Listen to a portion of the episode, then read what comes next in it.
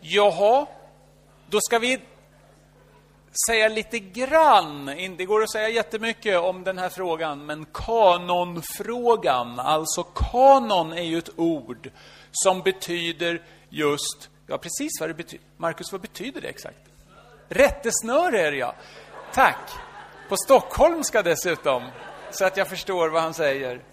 Fast jag är ingen stockholmare. Jag är född i Norrköping, förstår du. Ska vi ta ett på östgötska istället?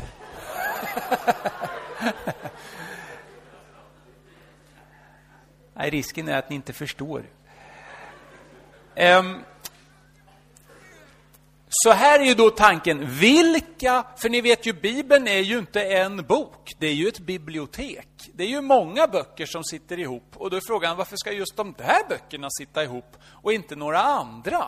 Och är det just de här eller ska man ta bort något och det är okej? Okay? Eller hur? Och tänk om det finns någon bibelbok som liksom borde varit med fast inte hamnar med, kommer, kommer inte med där. Hur ska vi liksom förstå den här samlingen? Och då är det så, hur vet jag då? Då börjar vi upp med GTs kanon, Gamla Testamentet. Den samlingen av böcker, vad har vi för skäl att tro att det är rätt samling, så att säga? Att den samlingen är det som är Guds ord? Ja, Josefus, som var en historiker, en judisk historiker, eh, som eh, var högt uppsatt inom romarriket och skrev eh, judarnas historia. Han skriver runt 100 efter Kristus, men han beskriver judarnas historia bakåt i, i, tiden, så att säga, och säger då att judarnas kanon, alltså de heliga skrifterna, avslutas i och med Malaki. Och han räknar upp de 22 skrifterna och säger då att efter detta så tystnade den profetiska rösten och säger då att de här skrifterna som kallas för de apokryfiska inte har samma värde som de här 22 som då utgör den hebreiska bibeln, Gamla testamentet. Så det är mycket tydligt då att Josefus beskriver det som att den här samlingen av böcker som är de 22, den samlingen var så att säga en avslutad samling. Det var en enhet. Inte bara då 100 efter Kristus, utan långt innan. För han beskriver ju hur det var innan, så att säga. Eh, han beskriver deras historia och beskriver då att judarnas kanon avslutades i och med Malaki, som är den sista profeten eh, kronologiskt. Alltså i tid så är Malaki den sista. Men den sista bibelboken i det hebreiska Gamla Testamentet är Andra krönikeboken. För det följer inte kronologiskt då, så Andra krönikeboken är den sista boken. Och vi kommer in på det strax här.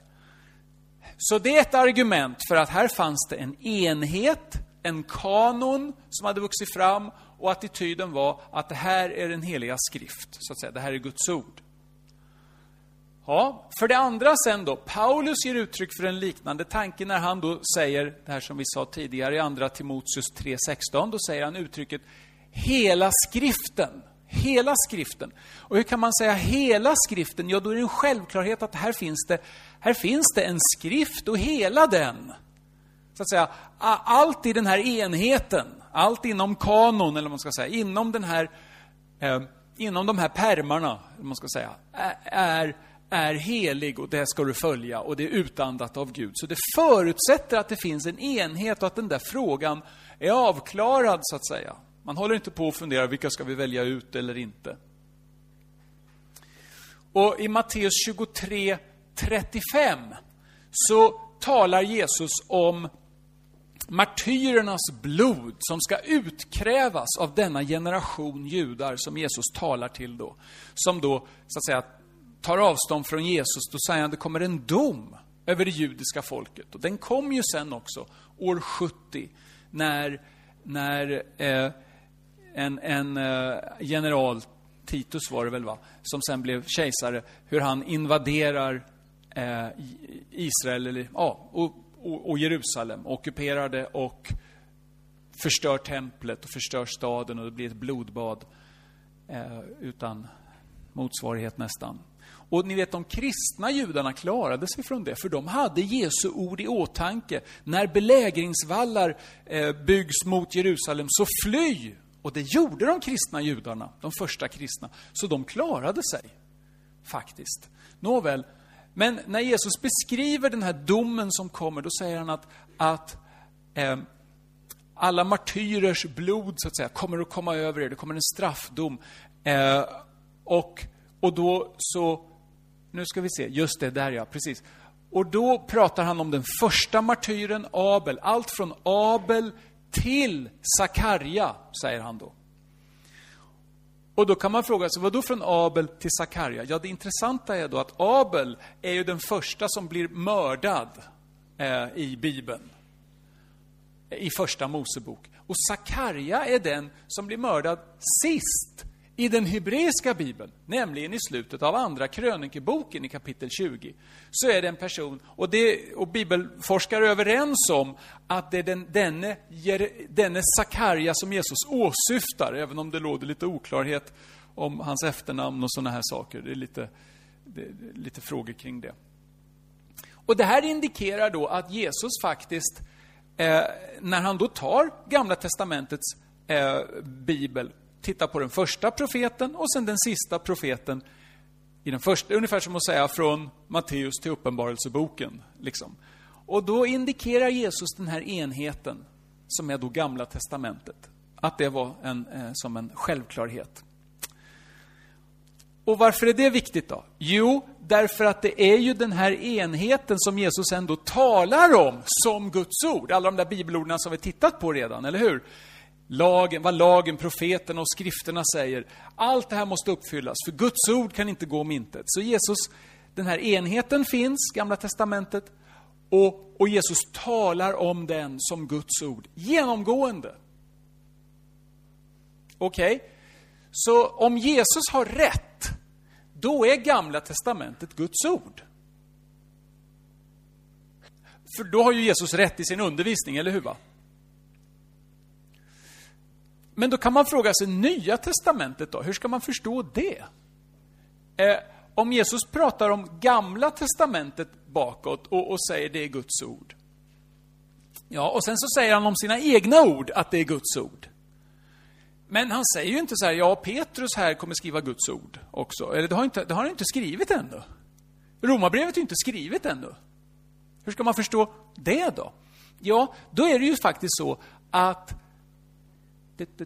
Tack. Att Jesu löfte om anden som vägledare för apostlarna är väldigt viktigt. Och apostlarna såg på sig själva som en utvald grupp. När Judas tar livet av sig, ja då är det väldigt viktigt att de väljer en ersättare. Någon som har varit med hela tiden och mött Jesus som uppstånden. Och Paulus säger att han är en äkta apostel, för han har fått godkännande stämpeln av Petrus och de andra, och han har mött Jesus som uppstånden på vägen till Damaskus. Det var inte bara en inre syn, utan det var någonting yttre som hände, och han mötte Jesus, och Jesus talade till honom. Så därför så menar Paulus att han också är en äkta apostel.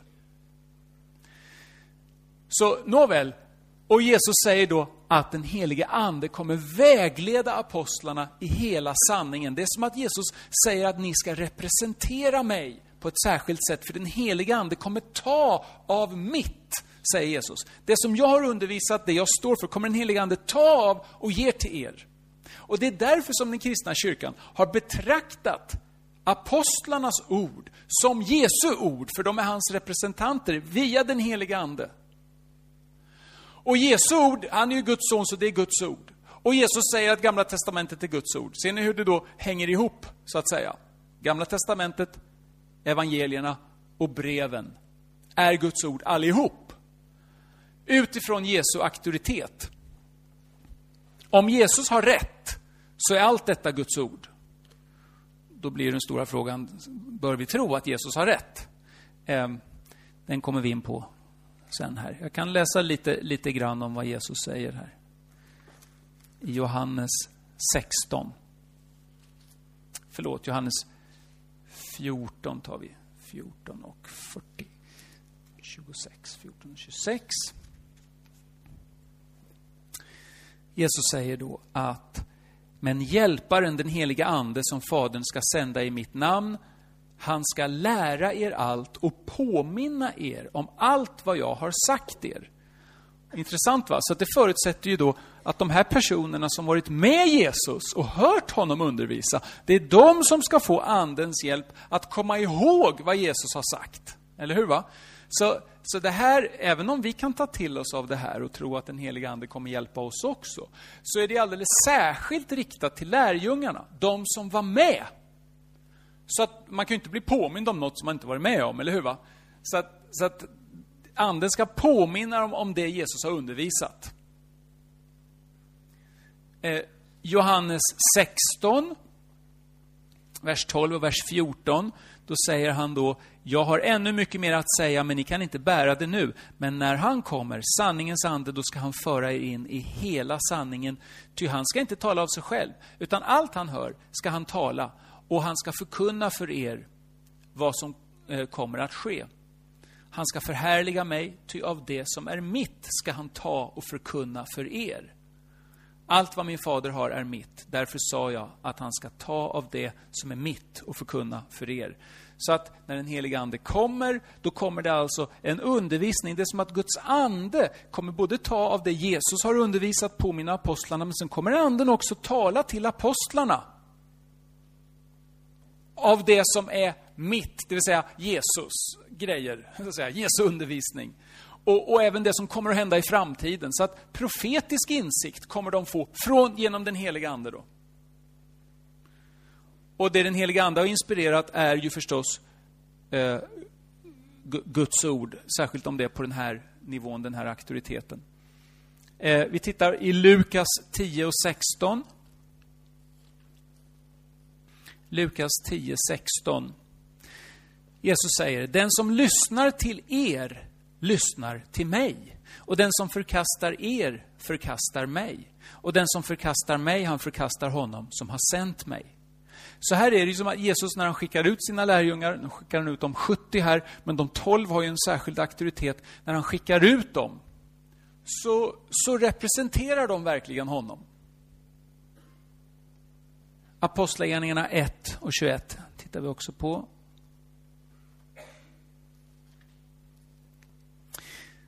Därför måste en av de män, det här är då Judas har tagit livet av sig och de ska ersätta honom. Därför måste en av de män som var med oss under hela den tid Herren Jesus gick in och ut ibland oss, från det att han döptes av Johannes till den dag då han blev upptagen från oss, en av dem måste tillsammans med oss vara ett vittne om hans uppståndelse.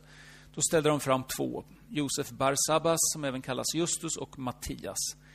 Och de bad, Herre du känner allas hjärtan. Och så kastar de lott och så faller den på Mattias. Så han blir den sista aposteln på det sättet. Då. Eller, ja, i det gänget i alla fall. Sen har vi några andra intressanta ställen då eh, i Nya Testamentet om just Nya Testamentet. eh, vi tittar på första Timoteus 5.18. Första Tim 5.18. Då står det så här. Det är Paulus som skriver. Ty skriften säger, du ska inte binda för munnen på oxen som tröskar och arbetaren är värd sin lön. Och det här, när man läser det här bibelstället så tänker man ju inte mer på det. Men, men det är faktiskt intressant att Paulus säger, skriften säger, och så kommer två citat. Det ena från femte Mosebok och det andra från Matteus. Så Paulus betraktar femte Mosebok som verkligen var skrift enligt judarnas sätt att tänka, det var inget snack om den saken. Och sen Matteus ord om Jesus kallar han också för skrift. Aha. Så Paulus såg på Matteus eller på Jesu undervisning som Matteus sen återger, som skrift. Det är lite intressant. Det här är i Timoteusbreven och när de är skrivna exakt kanske man inte riktigt vet. Det är ju några av det sista som Paulus skriver. Eh, så då kan ju Matteus som evangelium redan ha, ha existerat ett tag och spritts. Och av Paulus då betraktas det, tycks det som, som Guds ord. I andra Petrus brev så ser vi också något intressant. Om du tycker att det är svårt att förstå Bibeln, så ger Bibeln dig rätt. Bibeln säger nämligen att den är svår att förstå. Så om du har den upplevelsen så har du en biblisk upplevelse. Det är Petrus som skriver i kapitel 3, vers 15. Jag börjar från 14. Därför, mina älskade, eftersom ni väntar på detta, gör allt ni kan för att leva i frid, rena och oförvitliga inför honom och räkna med att vår Herres tålamod tjänar till er frälsning. Så har också vår älskade broder Paulus skrivit till er enligt den vishet som han har fått, och så gör han i alla sina brev när han talar om detta. I dessa brev finns en del som är svårt att förstå och som okunniga och obefästa människor förvränger till sitt eget fördärv. Något som också sker med de övriga skrifterna. Så Paulus är svår att förstå och en del förvränger det och det gör de med de övriga skrifterna. Det här är kanske inte ett hundraprocentigt bevis, men det luktar sannerligen som om Petrus betraktar Paulus ord i nivå med de övriga skrifterna. Vilka är de då? Det är Gamla Testamentet. Kanske evangelierna också, det vet vi inte, men det är åtminstone Gamla Testamentet. Och Paulus brev tycks, han lägger Paulus brev på samma nivå. Verkar det ju som, va?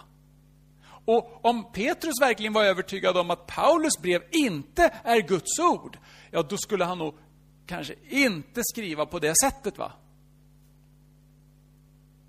Eh, ja, jag tror att det är rimligt att resonera så.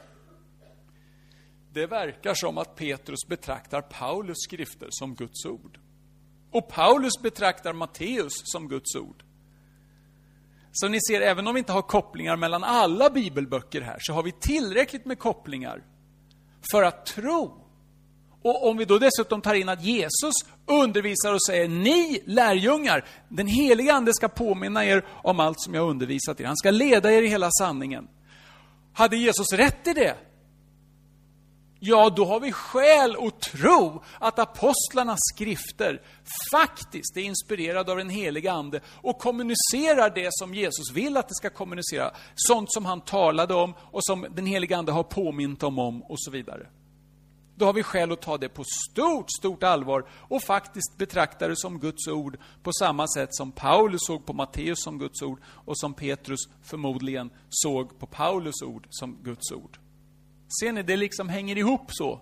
Jag tror man kan säga det. Vad är det då som jag har försökt att visa här då? då? Jag har försökt att visa att Gamla Testamentet är en enhet. Gamla Testamentet sitter ihop, de 22 böckerna. Att Nya Testamentet säger att Gamla Testamentet som en enhet är Guds ord. Gamla Testamentet själv säger det på en massa ställen och detta bejakas av Nya Testamentet. Jesus säger att hans ord är Guds ord, mina ord ska inte förgås. Missade jag det stället förresten? Ja, nåväl, det, det känner ni till. Jesus säger att hans ord är Guds ord. Eh, hans ord ska inte förgås. Precis som Guds ord inte ska förgås, så kommer Jesu ord inte förgås, för det är Guds ord. Och Jesus lovar att Anden ska vägleda apostlarna så att de representerar Jesus. Och att apostlarna jämställer Paulus brev i alla fall Petrus gör det, sa, eh, jämställer Paulus brev samt evangelierna med Gamla Testamentet. Så om, om, om, om vi tror att Gud ligger bakom det här, om vi tror att Jesus är Guds son, ja då hänger hela bilden ihop. va? Så det jag har gjort nu är att försöka knyta en massa trådar mellan GT och NT, mellan evangelierna, breven och så vidare. Försöka liksom ge det till, skapa en enhet av det. Tycker ni att det, jag har lyckats med det? Liksom? Eller känns det, slår jag, jag kanske slår in öppna dörrar? Är det någon som har en fråga om just det här? Alltså hur är Gamla Testamentet, Nya Testamentet, går det liksom, gör det anspråk på att vara Guds ord? Finns det frågor om det? Har ni någon är någon som sitter och klurar på någonting och tänker, det här, det här, ja. Henoks bok, varför den inte är med? Ja, i Judas brev så finns det också några anspelningar på, på, eh, på sådana böcker som inte finns med i Bibeln. Ja, det där är ju lite lurigt faktiskt. Eh, nu är det ju så förstås att Paulus citerar ju några grekiska filosofer och poeter också. Och, och, och, det blir ju inte automatiskt att det blir, blir Guds ord. Så att, att, att, det finns citat från Nya Testamentet till Gamla Testamentet bevisar ju inte att Nya Testamentet betraktar GT som Guds ord. Men det är klart, om du har väldigt mycket citat och, och, och, och sådär, då, då, ger ju det ett visst stöd att här, det här är en väldigt viktig källa. Liksom. Eh, om då den källan själv säger att den är Guds ord och så vidare. Och, och men, men att, att, du enbart har ett citat, skulle jag säga, räcker inte för att säga att Nya Testamentet bekräftar att det där är Guds ord. För då, då är det en massa saker eh, som blir Guds ord. Eh, grekiska poeter och filosofer och, och sådana där saker. Eh, just de där eh, apokryfiska böckerna och pseudografik... Vad heter det, Marcus? Pseudoepigraf heter det, ja. Det är sådana där ytterligare en grupp böcker som finns vid sidan om apokryferna. Henoks bok tillhör väl den, va? Gör den inte, Marcus? Du, du, jag tar dig som expert här. Kommer du ihåg? jag vet inte. eh, nej, så... Eh, och även då, eh, Judas brev hänvisar då till att, en, att ängeln, om det var Gabriel eller var det Mikael, jag kommer inte ihåg, någon ängel i alla fall, eh, när det gäller Mose döda kropp då, eh, som, som djävulen gör något sorts anspråk på och, och sådär. Det, det, är någon berättelse som inte finns i Bibeln, eh, som ändå då anspelas på i Judas brev. Och ja, personligen så tänker jag att, att några enstaka citat gör inte ett tillräckligt case här. Eh, och, och, och om, om, bibliska författare citerar från icke-bibliska källor, eller sådana källor som inte är Guds ord, ja, fine. Det, de, blir de är inspirerade i att göra detta. Inspirerade av Guds ande att göra det. Det gör inte att de här källorna eller böckerna blir Guds ord per automatik. Då måste man ha särskilda skäl för det. Så tänker jag bara kort på den. Men det är lite lurigt, jag kan hålla med om det. Ja. Någon mer tanke om, om den här grejen? Ja? Just det.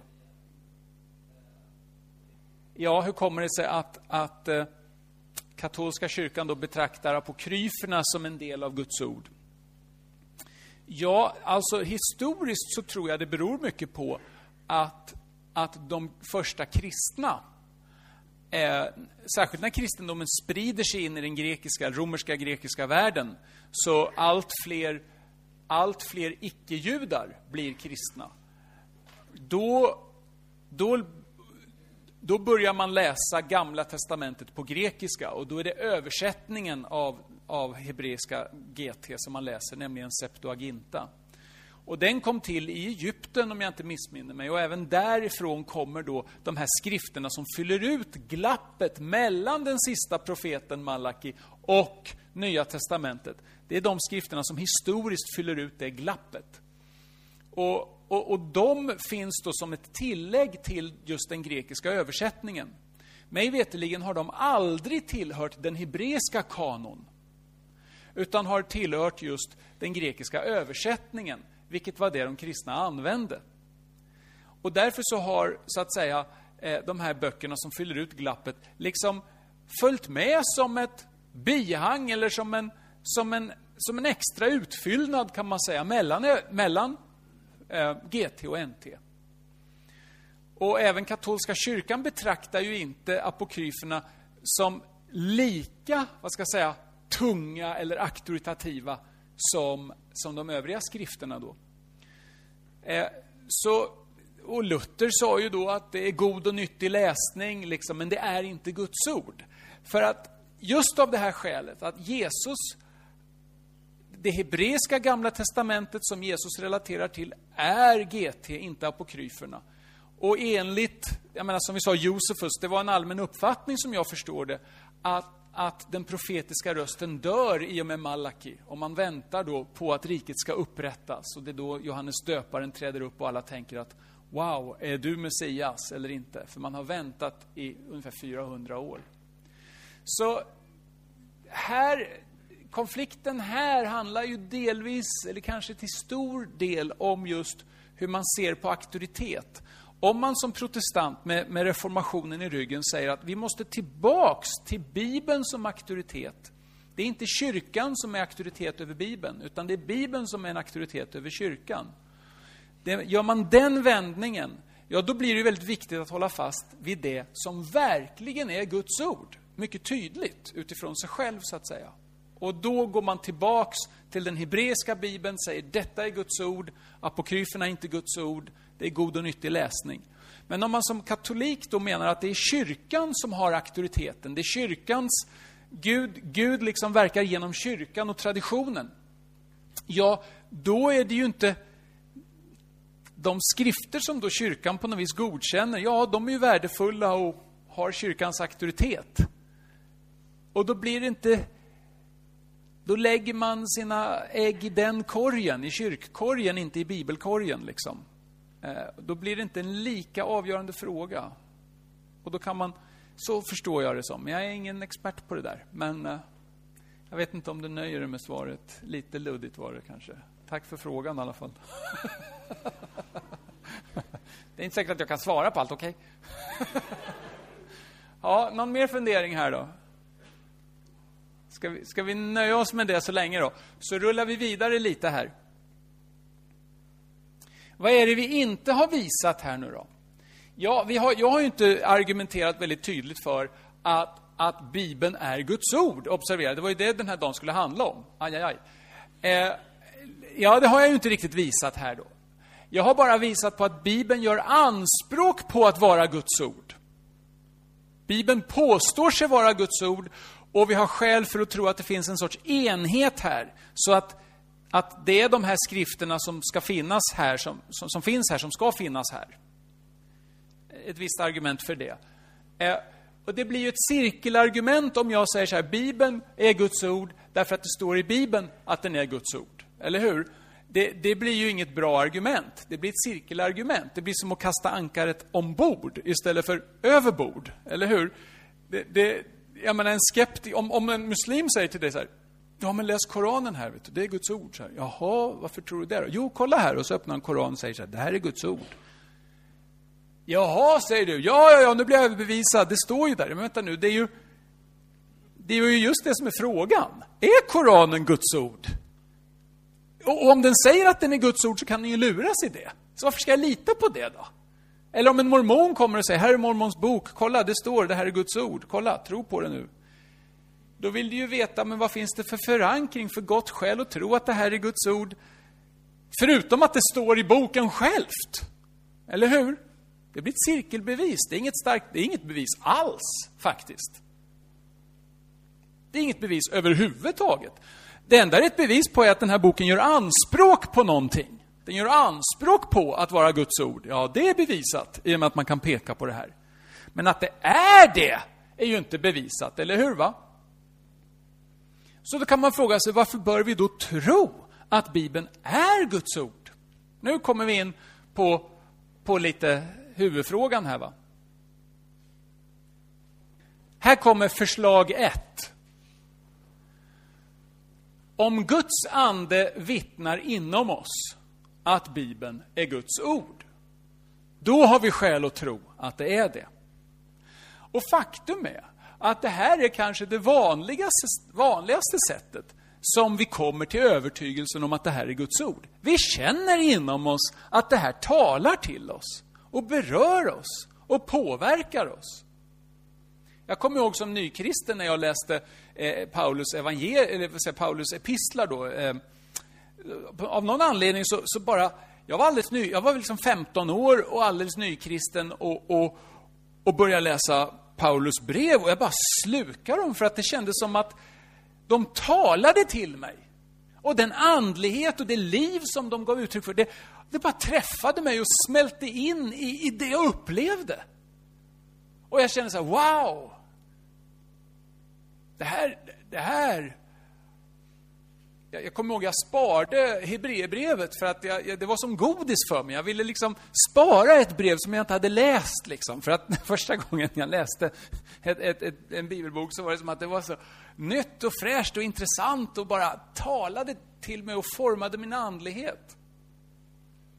Jag hade en inre upplevelse av att det här är bra, det här är viktigt, det här är rätt, det här är sant. Ja, hur mycket är det ett argument då? Tja, Ja, men det är väl lite grann av ett argument i alla fall. va? För tänk dig om, om liksom 1,1 miljarder kristna läser Bibeln och känner sig det här talar verkligen. Eller, eller om även icke-troende läser och känner det är något speciellt här. Eh, någon, det var någon judisk man som, som läste från Johannes 8, den här kvinnan som, som har då begått äktenskapsbrott och hon ska stenas och så drar de fram henne framför Jesus och så, och så och, och så, så, får han frågan då, vad, vad ska vi göra? Och, och, då skulle han vända på blad, men då tänkte han så här, nej men nu ska jag ta en vecka och fundera ut på vad, vad, han borde svara. Och han tänkte och tänkte och tänkte. Och sen så vände han blad och så sa han, den som utan synd kastar första stenen. Ja, då kände han, den här mannen är ju Guds son. Alltså. Det var som att det blev så starkt. Och så där kan man uppleva det.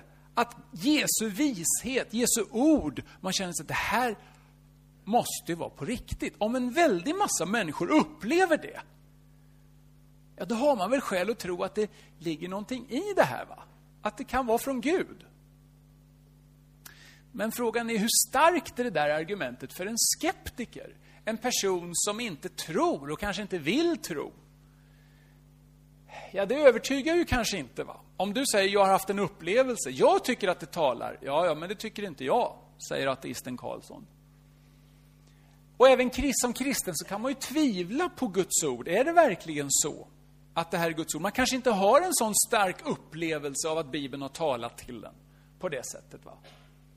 Man har inte upplevt att anden vittnar om detta i sitt hjärta. Och då kan man fråga sig, har man då inga skäl att tro att Bibeln är Guds ord? Ja, vi rullar vidare här då. Det var första förslaget. Det ligger någonting i det, men det kanske inte räcker. Vi kan fråga oss, om vi kan visa att Bibeln är historiskt trovärdig, om vi kan visa att Bibeln eh, är historiskt trovärdig, då kan vi tro att Bibeln är Guds ord. Ja, men vänta ett slag här. Alltså historiskt stöd för Bibeln stöder ju visserligen Bibelns trovärdighet, men det räcker ju inte. För tänk om alla de händelser som finns i Bibeln, ja, att vi kan bekräfta dem genom utombibliska källor på något vis. Josefus och andra, Tacitus inom Nya Testamentet och sen en massa gamla babyloniska kilskrifter och egyptiska hieroglyfer och massa sånt där, kan visa att ja, men de här sakerna har hänt. Tänk om man kunde göra det. Nu kan man göra det med en del, men inte med allt. Men tänk om man kunde göra det med allt i Gamla Testamentet och i Nya Testamentet. Ja, för det första då så kan vi inte göra det med alla händelser. Det finns en del händelser som har stöd utanför Bibeln. Det finns det faktiskt. Och det är väldigt spännande när man upptäcker det. Men alla händelser i Bibeln har inte det stödet. Och för det andra, så även om alla händelser i Bibeln bekräftas av utomstående källor, så betyder ju inte det att Bibelns undervisning är riktig, eller hur? Bibeln talar ju inte bara om att den där saken hände. Israel gick ut genom, genom, från Egypten och genom Röda havet och grejer. Det hände, okej, okay, det hände. Men det finns ju en massa undervisning om hur dan Gud är. En, en massa undervisning om, om, om vad Jesus, Jesu död på korset betyder och sådana här saker. Den undervisningen, kan vi lita på den då? Förstår ni? Det, det räcker inte med att vi har några enstaka händelser i Bibeln som vi kan ge historisk trovärdighet genom att titta på utomstående historiska källor. Det räcker inte. Det är värdefullt och stödjer en i ens tro.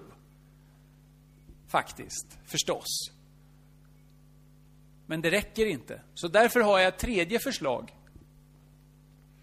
Om vi har skäl att tro att någon tillförlitlig person säger att Bibeln är Guds ord, ja, då har vi kanske skäl att tro att den är det. Och då kan man fråga sig, om min mamma eller pappa säger till mig att det här är Guds ord, ja, de är ju tillförlitliga till en viss grad, va? Men de, hör och häpna, kan ju trots allt ha fel någon gång. Och det har du säkert upplevt. Det har jag upplevt med min farsa. Han säger då att ordet lagom, det kommer från ordet eh, laget om. Det ska räcka laget om, då när vikingarna satt och drack öl så här. Och sen två år senare så säger han, nej men ordet lagom, det kommer från det gamla ordet laghum, som betyder det lagliga. Men farsan, du sa ju att det var när de drack öl. Nej, det har inte. Nej, nej, nej. Nya liksom, teorier om var ord kommer ifrån och sånt där, det ploppar ju upp med jämna mellanrum hos min kära far då. Och han uttalar det med samma auktoritet varje gång. Så nu har vi börjat påpeka det då, mamma och jag och min lillebror. Så, men pappa... ja, ja, ja. liksom så, så har han väl lugnat ner sig lite grann och säger saker mycket försiktigare. Så han vet att, att han är felbar. Så är det ju med föräldrar. Men om det nu är så att vi hittar någon som är riktigt tillförlitlig och som säger att Bibeln är Guds ord, då kanske vi har skäl att lita på det. Och grejen är ju den att Jesus säger att hela Gamla Testamentet är Guds ord. Han säger att hans egna ord är Guds ord och han säger att apostlarnas ord är hans ord, det vill säga Guds ord. Och då kommer knäckfrågan, varför ska vi lita på Jesus då? Ja, om han är Messias, om han har uppstått från de döda, då så har vi skäl att lita på honom. För då är han Guds Messias, då är han Guds son, då är han världens frälsare. Då kom han hit för att lära oss hela sanningen, vittna om sanningen. Och det betyder att det han har sagt om Bibeln är en del av hans undervisning och värd att litas på. Okej? Okay? Så Därför måste vi fråga oss, har Jesus uppstått från de döda? Är han den han påstod sig vara? Om han är det, då har vi skäl att lita på resten av Bibeln. Skälen för Bibelns trovärdighet hänger på om Jesus har uppstått från de döda eller inte. Om man inte har gjort det, då säger Paulus, då är vi de mest lurade på det här klotet. Jesusrörelsen är den största i världshistorien, alla kategorier. Och vi är en del av den rörelsen. Och då är vi en del av världshistoriens största skämt om Jesus inte uppstått från de döda. Men har han det, då är han Guds son. Då kan vi lita på hans undervisning, också hans undervisning om Bibeln, om Gamla Testamentet, sina egna ord och vad han lovade att göra genom den heliga Ande med apostlarna och så. Ser ni hur det hänger ihop? De här andra skälen, de personliga skälen, fine, bra, bra, de är som pålägg på mackan. Eh, om, om, om, historiska bekräftelser, bra, ännu mer pålägg på mackan. Men själva mackan är Jesus. Själva grunden är Jesus. Och att vi litar på honom och hans undervisning. Men varför ska vi göra det då? Ja, om vi har goda skäl att tro att han uppstod från de döda. Och det mina vänner, ska vi prata om ikväll. Men ska vi gå igenom den här tanken en gång till. Hela Bibelns historiska tillförlitlighet. Alltså, Nya Testamentet är historiskt trovärdigt. Varför det då? Därför att Jesus har uppstått från de döda och därför är han Messias och därför så är hans syn på eh, du, det, det ska stå GT där, jag skriver fel. GT historiskt trovärdigt. Gamla testamentet är historiskt trovärdigt. Jesus har uppstått. Det är beviset för att han är Messias. Därför så kan vi lita på hans undervisning om hela skriften och han talar mycket tydligt om att Gamla testamentet är Guds ord och därför har vi skäl att tro att det är så. Okej? Okay? GT, historiskt trovärdig. Ah, var ändrar någon det nu? Det var snabbt jobbat. Härligt. NT historiskt trovärdigt för att Jesus har uppstått från de döda, han är Messias, Hans löfte till apostlarna är därför tillförlitligt och därför hans egna ord är Guds ord och, och, och apostlarnas ord är, representerar Jesu ord på rätt sätt genom den heliga Ande. Och därför är det Guds ord. Ser ni? Så det, ska vi ha ett case för hela Bibeln så hänger det på Jesus menar jag. Det går att resonera på andra sätt, men då blir det lite ett lapptäcke. Här har vi ett starkt case, menar jag. Och då hänger det på vad vi ska prata om ikväll. Har, uppstått, har Jesus uppstått från de döda? Har han det, då ska vi lita på hans undervisning om Bibeln. Och då har vi ett gott skäl att göra det också. Att lita på Jesus är ännu bättre än att lita på sina föräldrar, även om de också är tillförlitliga för det mesta. Utom när de pratar om ordet lagom och sånt där. Ja, då så, då ska vi sjunga en liten lovsång här med husbandet. Och vi kan eh, stå upp tillsammans och sjunga.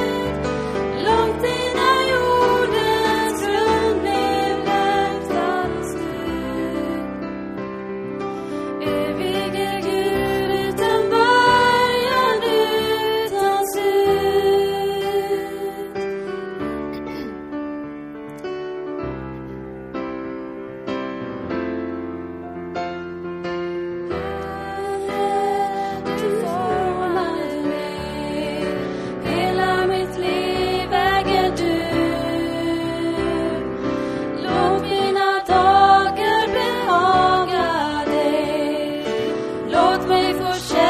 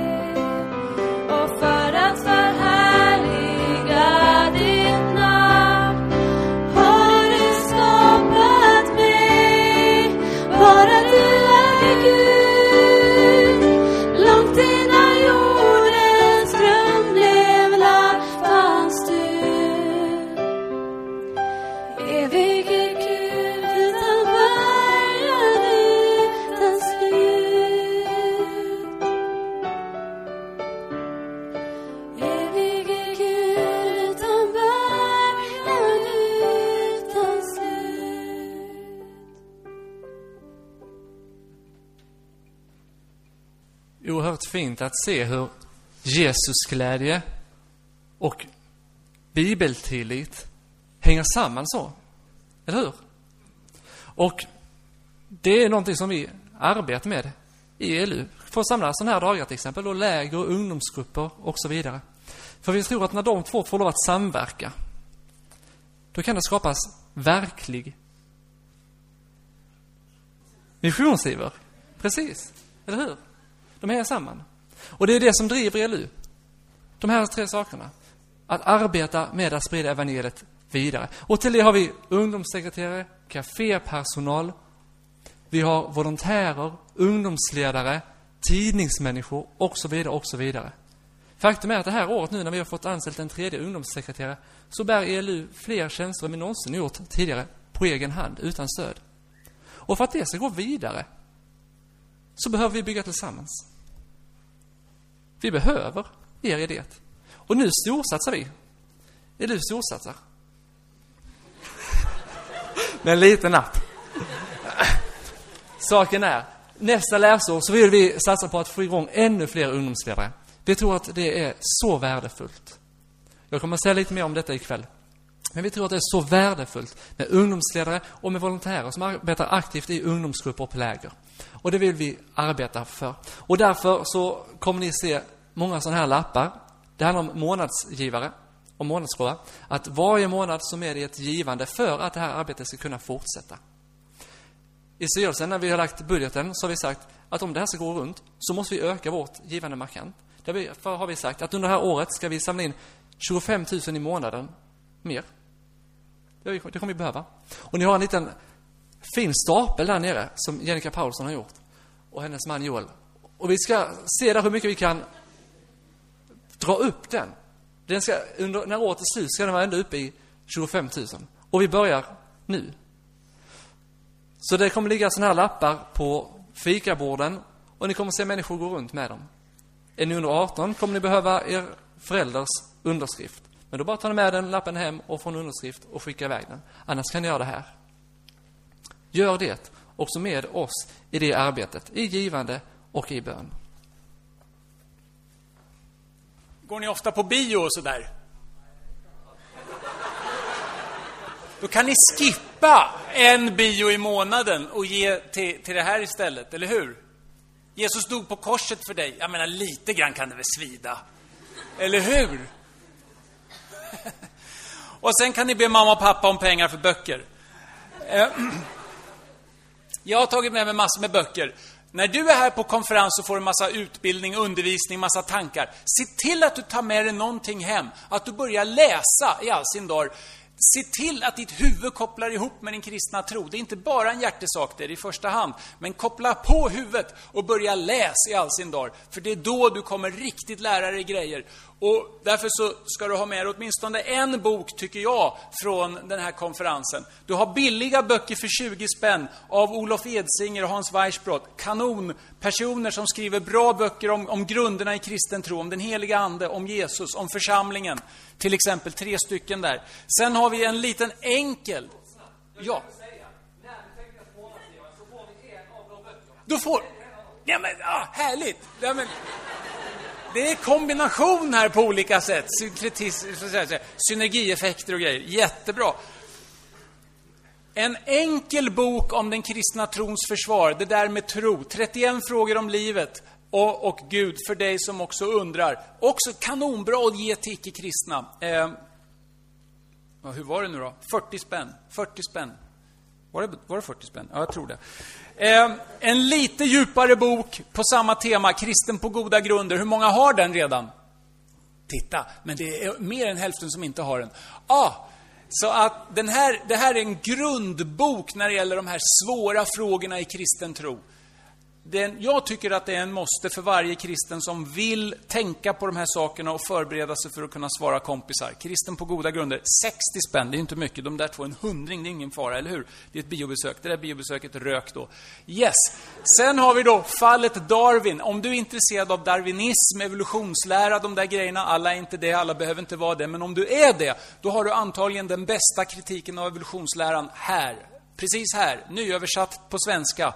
En jättebra bok av Philip Johnson, som är grundaren, kan man säga, av intelligent designrörelsen. Om du också är väldigt vetenskapligt intresserad, om vetenskap i stora drag.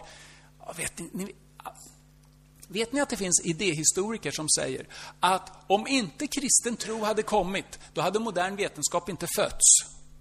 Hörde du vad jag sa? Om inte Jesus hade kommit så hade inte du haft en klocka på handen, du hade, du hade inte haft mobiltelefon, du hade inte kunnat åka en bild, ingen hade vetat vad det var. Modern vetenskap hänger på att kristen tro bröt fram, säger idéhistoriker. Spännande va?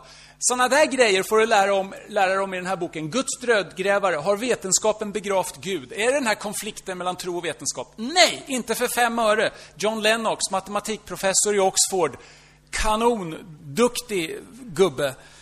För det är precis vad han är, farbror.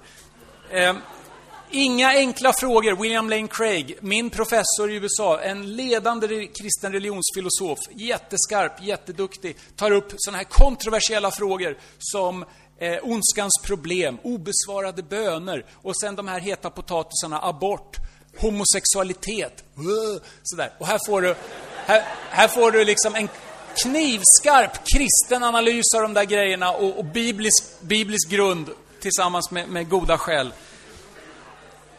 Här har du den perfekta julklappen. Nej, jul har ju redan varit. Ah, till nästa jul så kan du köpa Varför ska jag tro på Gud och ge till en icke-troende farbror. Den här är lite mjukare liksom. Så här, tar upp så här, synd, är inte det en tvångströja och lite sånt där. Lite så här mjukare frågor, inte så här stenintellektuell. Men en kanonbra bok. Den är lite dyrare då, 220 spänn. Men kolla på bokbordet och, och se till att du får med dig någonting hem, någonting du kan fördjupa dig i. Det är mitt tips, verkligen. Och är du intresserad av Credoakademin, känner du så här, apologetik är viktigt, jag brinner för det, då ska du gå på Credoakademin. Känner du att det inte är din grej, då får du gå var du vill. Men, men brinner du för apologetik, så ta med en sån här och fundera allvarligt på att gå. För vi är den enda skolan i Sverige som riktigt satsar på det, vet du. Och vi vill ha dig med. För du behövs, vi vill, vi vill träna dig och se till att du kommer med i den apologetiska folkrörelsen som vi håller på att starta. Okej? Okay? Yes, tack för det.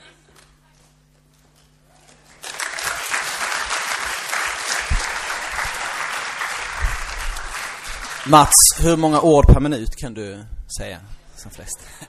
Jättebra jobbat.